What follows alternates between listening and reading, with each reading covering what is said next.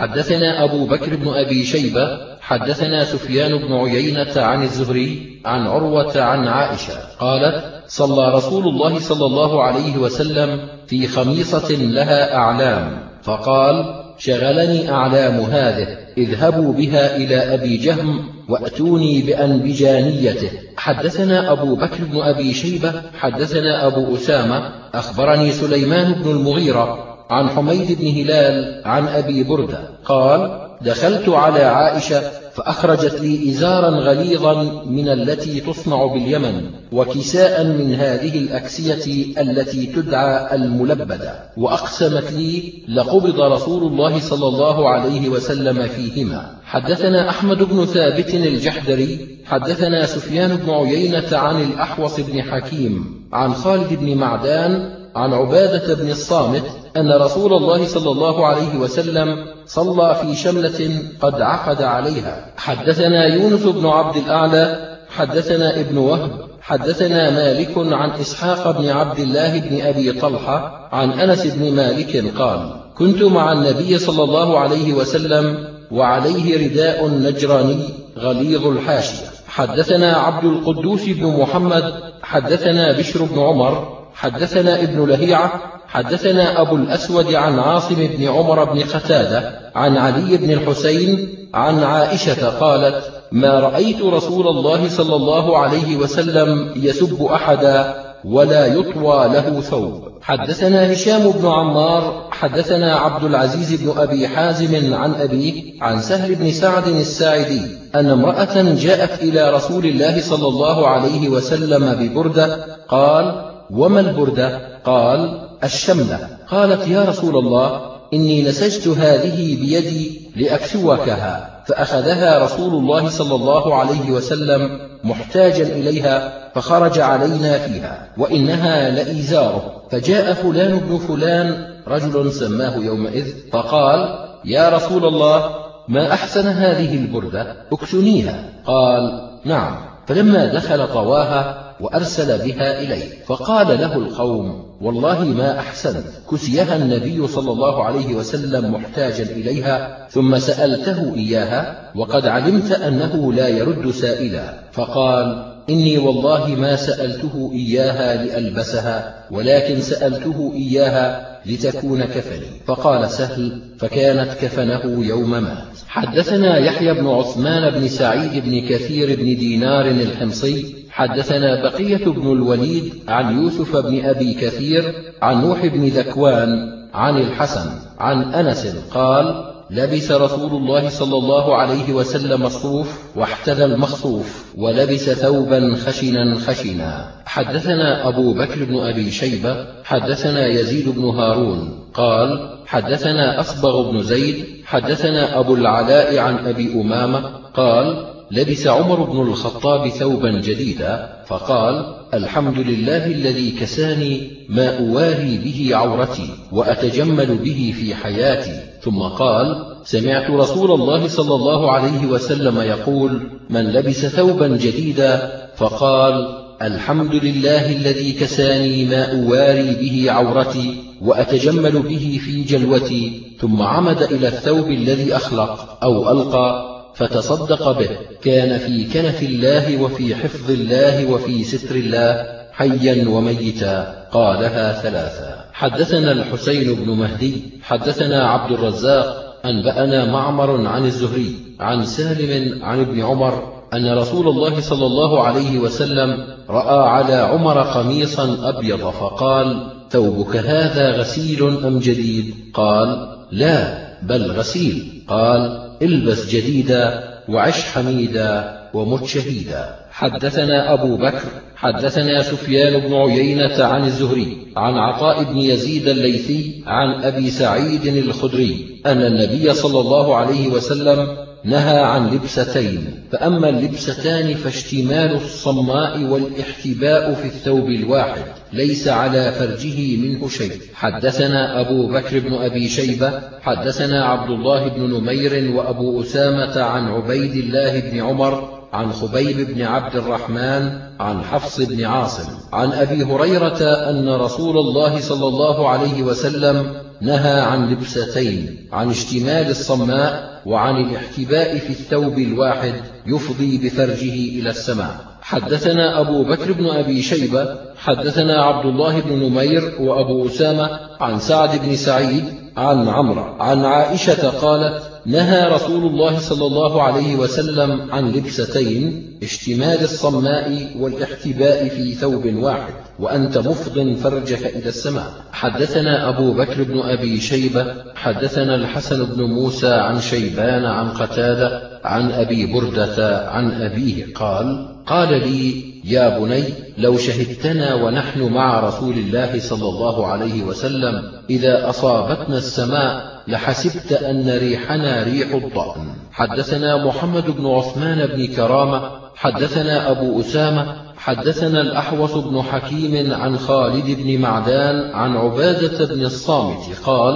خرج علينا رسول الله صلى الله عليه وسلم ذات يوم وعليه جبة رومية من صوف ضيقة الكمين فصلى بنا فيها ليس عليه شيء غيرها. حدثنا العباس بن الوليد الدمشقي وأحمد بن الأزهر قالا حدثنا مروان بن محمد حدثنا يزيد بن الصمت حدثني الوضيل بن عطاء عن محفوظ بن علقمة عن سلمان الفارسي أن رسول الله صلى الله عليه وسلم توضأ فقلب جبة صوف كانت عليه فمسح بها وجهه. حدثنا سويد بن سعيد حدثنا موسى بن الفضل عن شعبة عن هشام بن زيد عن أنس بن مالك قال رأيت رسول الله صلى الله عليه وسلم يسم غنما في آذانها ورأيته متزرا بكساء حدثنا محمد بن الصباح أنبأنا عبد الله بن رجاء المكي عن ابن خثيم عن سعيد بن جبير عن ابن عباس قال قال رسول الله صلى الله عليه وسلم خير ثيابكم البياض فالبسوها وكفنوا فيها موتاكم. حدثنا علي بن محمد حدثنا وكيع عن سفيان عن حبيب بن أبي ثابت عن ميمون بن أبي شبيب عن سمرة بن جندب قال قال رسول الله صلى الله عليه وسلم البسوا ثياب البياض فإنها أطهر وأطيب. حدثنا محمد بن حسان الأزرق حدثنا عبد المجيد بن أبي داود حدثنا مروان بن سالم عن صفوان بن عمرو عن شريح بن عبيد الحضرمي عن أبي الدرداء قال قال رسول الله صلى الله عليه وسلم إن أحسن ما زرتم الله به في قبوركم ومساجدكم البياض. حدثنا أبو بكر بن أبي شيبة حدثنا أبو أسامة وحدثنا علي بن محمد حدثنا عبد الله بن نمير جميعا عن عبيد الله بن عمر عن نافع عن ابن عمر أن رسول الله صلى الله عليه وسلم قال إن الذي يجر ثوبه من الخيلاء لا ينظر الله إليه يوم القيامة. حدثنا أبو بكر بن أبي شيبة حدثنا أبو معاوية عن الأعمش عن عطية عن أبي سعيد قال قال رسول الله صلى الله عليه وسلم من جر إزاره من الخيلاء لم ينظر الله إليه يوم القيامة. قال فلقيت ابن عمر بالبلاط فذكرت له حديث أبي سعيد عن النبي صلى الله عليه وسلم فقال وأشار إلى أذنيه سمعته أذناي ووعاه قلبي. حدثنا أبو بكر بن أبي شيبة حدثنا محمد بن بشر عن محمد بن عمرو عن أبي سلمة عن أبي هريرة قال مر بأبي هريرة فتى من قريش يجر سبله فقال يا ابن أخي إني سمعت رسول الله صلى الله عليه وسلم يقول من جر ثوبه من الخيلاء لم ينظر الله له يوم القيامة. حدثنا أبو بكر بن أبي شيبة حدثنا أبو الأحوص عن أبي إسحاق عن مسلم بن نذير عن حذيفة قال أخذ رسول الله صلى الله عليه وسلم بأسفل عضلة ساقي أو ساقه فقال هذا موضع الإزار فإن أبيت فأسفل. فإن أبيت فأسفل فإن أبيت فلا حق للإزار في الكعبين. حدثنا علي بن محمد حدثنا سفيان بن عيينة حدثني أبو إسحاق عن مسلم بن نذير عن حذيفة عن النبي صلى الله عليه وسلم مثله. حدثنا علي بن محمد حدثنا سفيان بن عيينة عن العلاء بن عبد الرحمن عن أبيه قال قلت لأبي سعيد هل سمعت من رسول الله صلى الله عليه وسلم شيئا في الإزار؟ قال نعم. سمعت رسول الله صلى الله عليه وسلم يقول إزرة المؤمن إلى أنصاف ساقيه لا جناح عليه ما بينه وبين الكعبين وما أسفل من الكعبين في النار. يقول ثلاثا لا ينظر الله إلى من جر إزاره بطرا. حدثنا أبو بكر بن أبي شيبة حدثنا يزيد بن هارون أنبأنا شريك عن عبد الملك بن عمير عن حسين بن قبيصة عن المغيرة بن شعبة قال قال رسول الله صلى الله عليه وسلم يا سفيان بن سهل لا تسبل فإن الله لا يحب المسبلين. حدثنا يعقوب بن إبراهيم الدورقي حدثنا أبو تميلة عن عبد المؤمن بن خالد عن ابن بريدة عن أمه عن أم سلمة قالت لم يكن ثوب أحب إلى رسول الله صلى الله عليه وسلم من القميص. حدثنا أبو بكر بن أبي شيبة حدثنا الحسين بن علي عن ابن أبي رواد عن سالم عن أبيه عن النبي صلى الله عليه وسلم قال الإسبال في الإزار والقميص والعمامة من جر شيئا خيلا لم ينظر الله إليه يوم القيامة. قال أبو بكر ما أغربه. حدثنا أحمد بن عثمان بن حكيم الأودي. حدثنا أبو غسان وحدثنا أبو كريب. حدثنا عبيد بن محمد. قالا حدثنا حسن بن صالح وحدثنا سفيان بن وكيع. حدثنا أبي عن الحسن بن صالح عن مسلم عن مجاهد عن ابن عباس قال كان رسول الله صلى الله عليه وسلم يلبس قميصا قصير اليدين والطول. حدثنا أبو بكر حدثنا ابن دكين عن زهير عن عروة بن عبد الله بن قشير.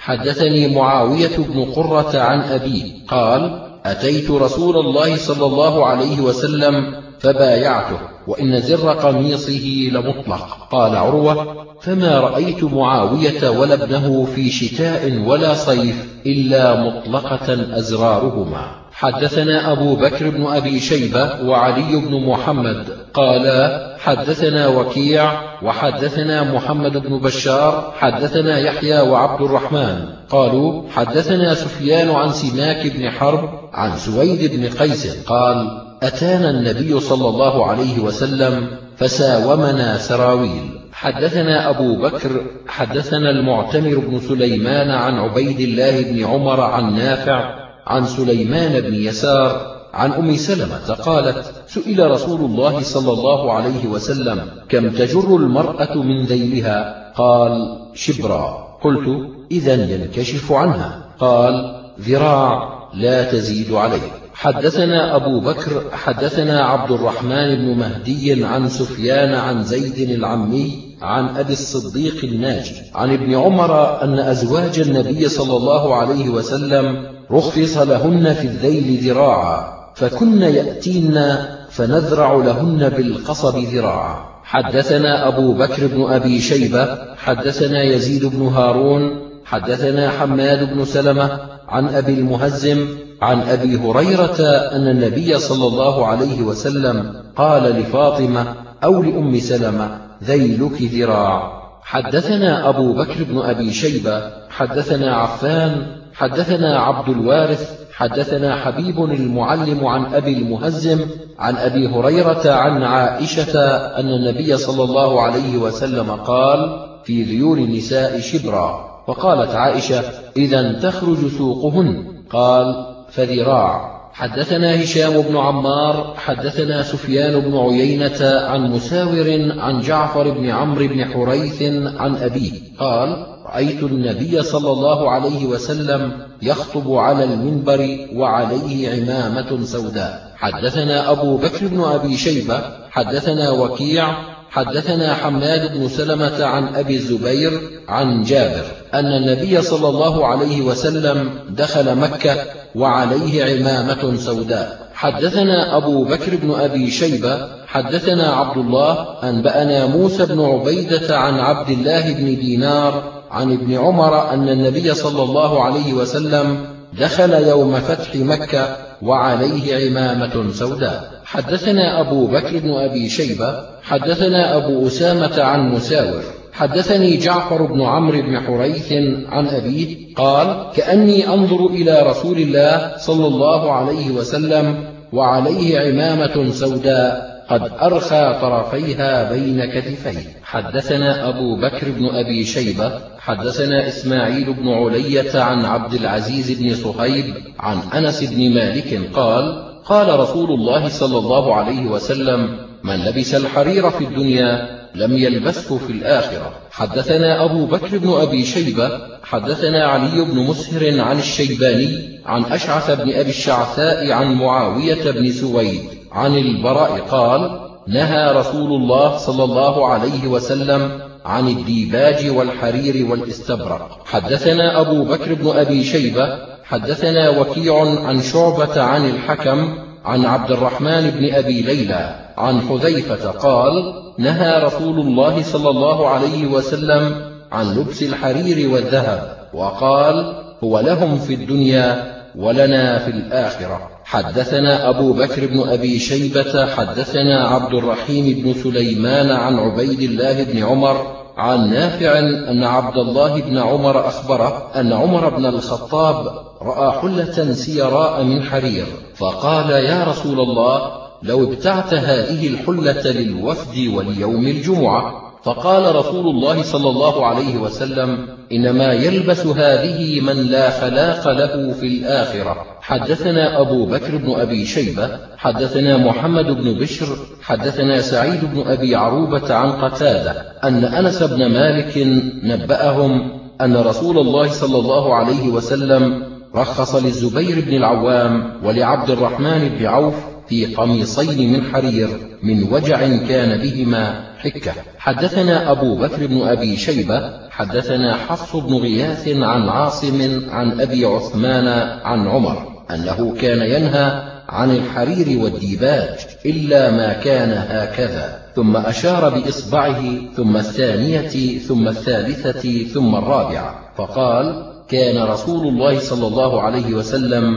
ينهانا عنه. حدثنا أبو بكر بن أبي شيبة حدثنا وكيع عن مغيرة بن زياد عن أبي عمر مولى أسماء قال رأيت ابن عمر اشترى عمامة لها علم فدعا بالجلمين فقصه فدخلت على أسماء فذكرت ذلك لها فقالت بؤسا لعبد الله يا جارية هاتي جبة رسول الله صلى الله عليه وسلم. فجاءت بجبة مكفوفة الكمين والفرجين بالديباج. حدثنا أبو بكر حدثنا عبد الرحيم بن سليمان عن محمد بن إسحاق عن يزيد بن أبي حبيب عن عبد العزيز بن أبي الصعبة عن أبي الأفلح الهمداني عن عبد الله بن زرير الغافقي سمعته يقول سمعت علي بن أبي طالب يقول أخذ رسول الله صلى الله عليه وسلم حريرا بشماله وذهبا بيمينه ثم رفع بهما يديه فقال إن هذين حرام على ذكور أمتي حل لإناثهم. حدثنا أبو بكر بن أبي شيبة حدثنا عبد الرحيم بن سليمان عن يزيد بن أبي زياد عن أبي فاخثة حدثني هبيرة بن يريم عن علي أنه أهدي لرسول الله صلى الله عليه وسلم حلة مكفوفة بحرير إما سداها وإما لحمتها. فأرسل بها إلي فأتيته فقلت يا رسول الله ما أصنع بها؟ ألبثها؟ قال لا ولكن اجعلها خمرا بين الفواطم.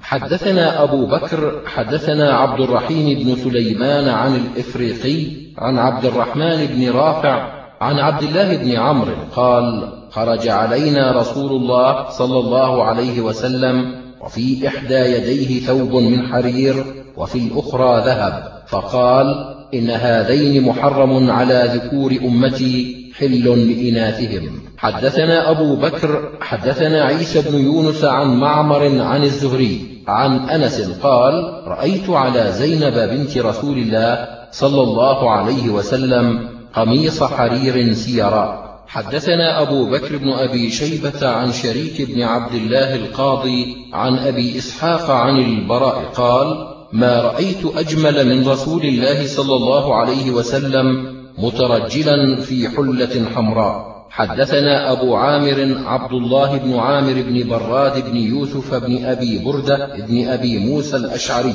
حدثنا زيد بن الحباب. حدثنا حسين بن واقد قاضي مروى حدثني عبد الله بن بريدة أن أباه حدثه قال رأيت رسول الله صلى الله عليه وسلم يخطب فأقبل حسن وحسين عليهما قميصان أحمران يعثران ويقومان. فنزل النبي صلى الله عليه وسلم فأخذهما فوضعهما في حجره فقال صدق الله ورسوله إنما أموالكم وأولادكم فتنة رأيت هذين فلم أصبر ثم أخذ في خطبته. حدثنا أبو بكر بن أبي شيبة حدثنا علي بن مسهر عن يزيد بن أبي زياد عن الحسن بن سهيل عن ابن عمر قال نهى رسول الله صلى الله عليه وسلم عن المفدم. قال يزيد قلت للحسن ما المفدم؟ قال المشبع بالعصفر. حدثنا أبو بكر بن أبي شيبة حدثنا وكيع عن أسامة بن زيد عن عبد الله بن حنين قال سمعت عليا يقول نهاني رسول الله صلى الله عليه وسلم ولا أقول نهاكم عن لبس المعصفر. حدثنا أبو بكر حدثنا عيسى بن يونس عن هشام بن الغاز عن عمرو بن شعيب عن أبيه عن جده قال أقبلنا مع رسول الله صلى الله عليه وسلم من ثنية أذاخر فالتفت إلي وعلي ريطة مضرجة بالعصفر فقال ما هذه؟ فعرفت ما كرب فأتيت أهلي وهم يسجرون تنورهم فقذفتها فيه ثم أتيته من الغد فقال يا عبد الله ما فعلت الريطة فأخبرته فقال ألا كسوتها بعض أهلك فإنه لا بأس بذلك للنساء. حدثنا علي بن محمد حدثنا وكيع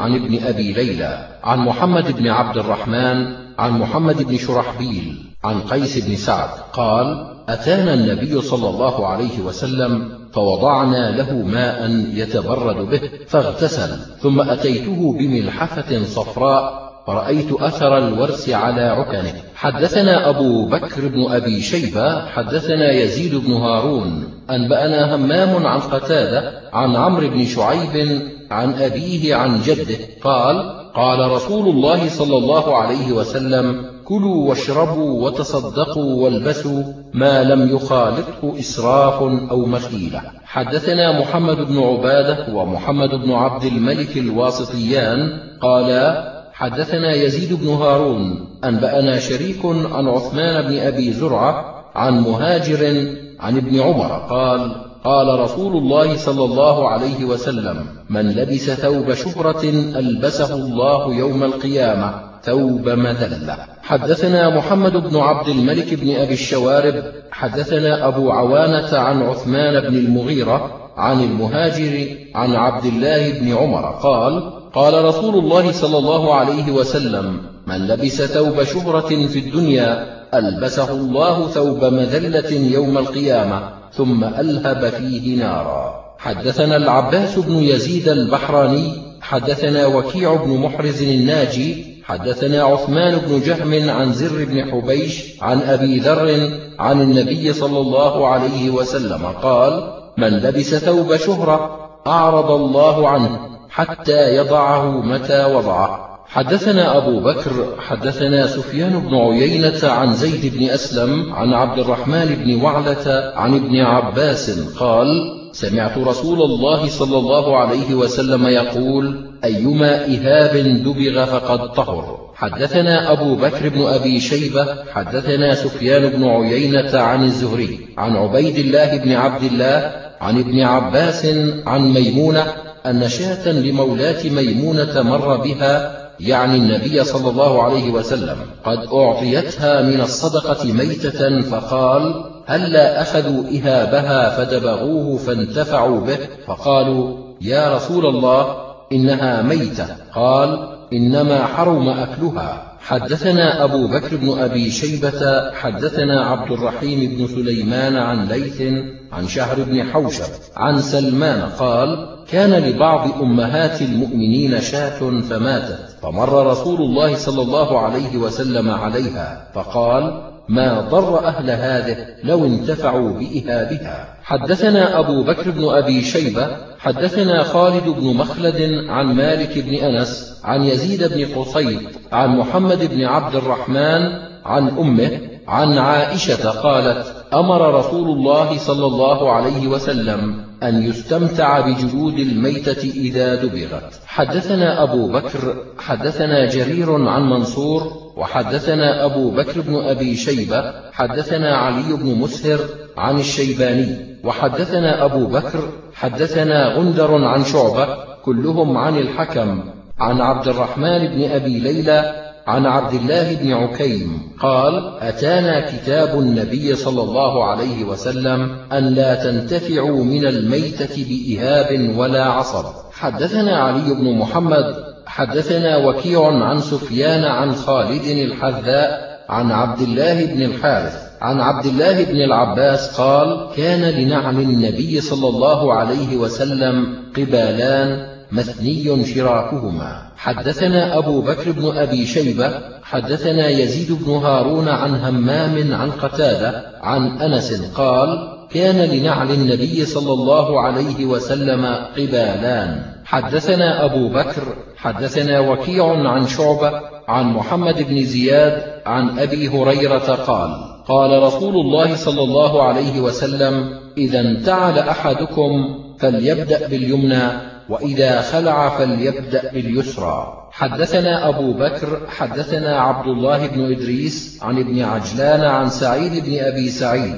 عن أبي هريرة قال قال رسول الله صلى الله عليه وسلم لا يمشي أحدكم في نعل واحد ولا خف واحد ليخلعهما جميعا أو ليمشي فيهما جميعا. حدثنا علي بن محمد حدثنا أبو معاوية عن الأعمش عن أبي صالح عن أبي هريرة قال نهى رسول الله صلى الله عليه وسلم أن ينتعل الرجل قائما. حدثنا علي بن محمد حدثنا وكيع عن سفيان عن عبد الله بن دينار عن ابن عمر قال نهى النبي صلى الله عليه وسلم أن ينتعل الرجل قائما. حدثنا أبو بكر حدثنا وكيع حدثنا دلهم بن صالح الكندي عن حجير بن عبد الله الكندي عن ابن بريدة عن أبيه أن النجاشي أهدى لرسول الله صلى الله عليه وسلم خفين ساذجين أسودين فلبسهما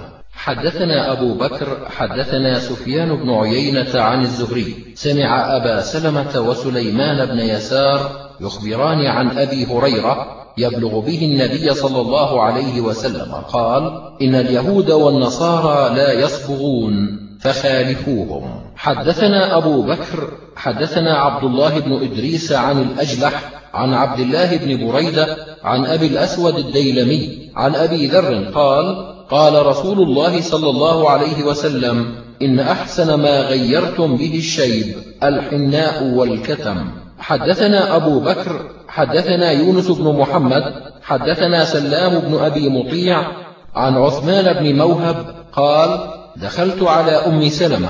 قال فأخرجت إلي شعرا من شعر رسول الله صلى الله عليه وسلم مخضوبا بالحناء والكتم. حدثنا أبو بكر بن أبي شيبة حدثنا إسماعيل بن علية عن ليث عن أبي الزبير عن جابر قال جيء بأبي قحافة يوم الفتح إلى النبي صلى الله عليه وسلم وكأن رأسه ثغامة فقال رسول الله صلى الله عليه وسلم اذهبوا به إلى بعض نسائه فلتغيره وجنبوه السواد حدثنا أبو هريرة الصيرفي محمد بن فراس حدثنا عمر بن الخطاب بن زكريا الراسبي حدثنا دفاع بن دغفل السدوسي عن عبد الحميد بن صيفي عن أبيه عن جده صهيب الخير. قال قال رسول الله صلى الله عليه وسلم إن أحسن ما اختضبتم به لهذا السواد أرغب لنسائكم فيكم وأهيب لكم في صدور عدوكم.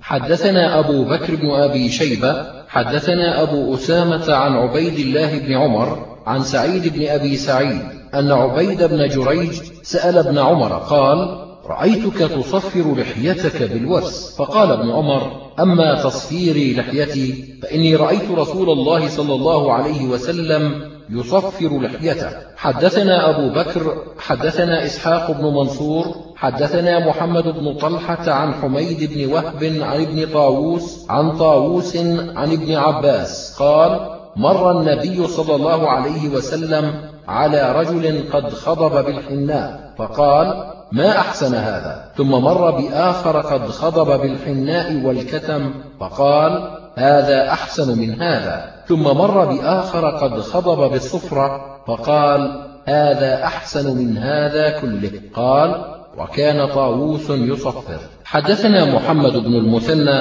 حدثنا أبو داود حدثنا زهير عن أبي إسحاق عن أبي جحيفة قال رأيت رسول الله صلى الله عليه وسلم هذه منه بيضاء يعني عن فقته. حدثنا محمد بن المثنى حدثنا خالد بن الحارث وابن أبي عدي عن حميد قال سئل أنس بن مالك أخضب رسول الله صلى الله عليه وسلم؟ قال إنه لم ير من الشيب إلا نحو سبعة عشر أو عشرين شعر في مقدم لحيته. حدثنا محمد بن عمر بن الوليد الكندي. حدثنا يحيى بن آدم عن شريك عن عبيد الله عن نافع عن ابن عمر قال كان شيب رسول الله صلى الله عليه وسلم نحو عشرين شعرا حدثنا أبو بكر بن أبي شيبة حدثنا سفيان بن عيينة عن ابن أبي نجيح عن مجاهد قال قالت أم هانئ دخل رسول الله صلى الله عليه وسلم مكة وله أربع غدائر تعني ضفائر حدثنا أبو بكر بن أبي شيبة حدثنا يحيى بن آدم عن إبراهيم بن سعد عن الزهري عن عبيد الله بن عبد الله عن ابن عباس قال كان أهل الكتاب يسدلون أشعارهم وكان المشركون يفرقون. وكان رسول الله صلى الله عليه وسلم يحب موافقة أهل الكتاب. قال فسدل رسول الله صلى الله عليه وسلم ناصيته ثم فرق بعد. حدثنا أبو بكر بن أبي شيبة حدثنا إسحاق بن منصور عن إبراهيم بن سعد عن ابن إسحاق عن يحيى بن عباد عن أبيه. عن عائشة قالت كنت أفرق خلف يافوخ رسول الله صلى الله عليه وسلم ثم أسدل ناصيته. حدثنا أبو بكر بن أبي شيبة حدثنا يزيد بن هارون أنبأنا جرير بن حازم عن قتادة عن أنس قال كان شعر رسول الله صلى الله عليه وسلم شعرا رجلا بين أذنيه ومنكبيه. حدثنا عبد الرحمن بن إبراهيم حدثنا ابن أبي فديك عن عبد الرحمن بن أبي الزناد عن هشام بن عروة عن أبيه عن عائشة قالت كان لرسول الله صلى الله عليه وسلم شعر دون الجمة وفوق الوفرة. حدثنا أبو بكر بن أبي شيبة حدثنا معاوية بن هشام وسفيان بن عقبة عن سفيان عن عاصم بن كليب عن أبيه عن وائل بن حجر قال رآني النبي صلى الله عليه وسلم ولي شعر طويل فقال ذباب ذباب. فانطلقت فأخذته فرآني النبي صلى الله عليه وسلم فقال إني لم أعنك وهذا أحسن. حدثنا أبو بكر بن أبي شيبة وعلي بن محمد قالا حدثنا أبو أسامة عن عبيد الله بن عمر عن عمر بن نافع عن نافع عن ابن عمر قال نهى رسول الله صلى الله عليه وسلم عن القزع. قال وما القزع؟ قال أن يحلق من رأس الصبي مكان ويترك مكان. حدثنا أبو بكر بن أبي شيبة حدثنا شبابة حدثنا شعبة عن عبد الله بن دينار عن ابن عمر قال نهى رسول الله صلى الله عليه وسلم عن القزع. حدثنا أبو بكر بن أبي شيبة حدثنا سفيان بن عيينة عن أيوب بن موسى عن نافع عن ابن عمر قال اتخذ رسول الله صلى الله عليه وسلم خاتما من ورق ثم نقش فيه محمد رسول الله فقال لا ينقش أحد على نقش خاتمي هذا. حدثنا أبو بكر بن أبي شيبة حدثنا إسماعيل بن علية عن عبد العزيز بن صهيب عن أنس بن مالك قال اصطنع رسول الله صلى الله عليه وسلم خاتما فقال إنا قد اصطنعنا خاتما ونقشنا فيه نقشا فلا ينقش عليه أحد. حدثنا محمد بن يحيى حدثنا عثمان بن عمر حدثنا يونس عن الزهري عن أنس بن مالك أن رسول الله صلى الله عليه وسلم اتخذ خاتما من فضة له فص حبشي ونقشه محمد رسول الله. حدثنا أبو بكر حدثنا عبد الله بن نمير عن عبيد الله عن نافع بن جبير مولى علي عن علي قال نهى رسول الله صلى الله عليه وسلم عن التختم بالذهب. حدثنا أبو بكر حدثنا علي بن مسهر عن يزيد بن أبي زياد عن الحسن بن سهيل عن ابن عمر قال نهى رسول الله صلى الله عليه وسلم عن خاتم الذهب. حدثنا أبو بكر بن أبي شيبة حدثنا عبد الله بن نمير عن محمد بن إسحاق عن يحيى بن عباد بن عبد الله بن الزبير عن أبيه عن عائشة أم المؤمنين قالت أهدى النجاشي إلى رسول الله صلى الله عليه وسلم حلقة فيها خاتم ذهب فيه فص حبشي فأخذه رسول الله صلى الله عليه وسلم بعود وإنه لمعرض عنه أو ببعض أصابعه.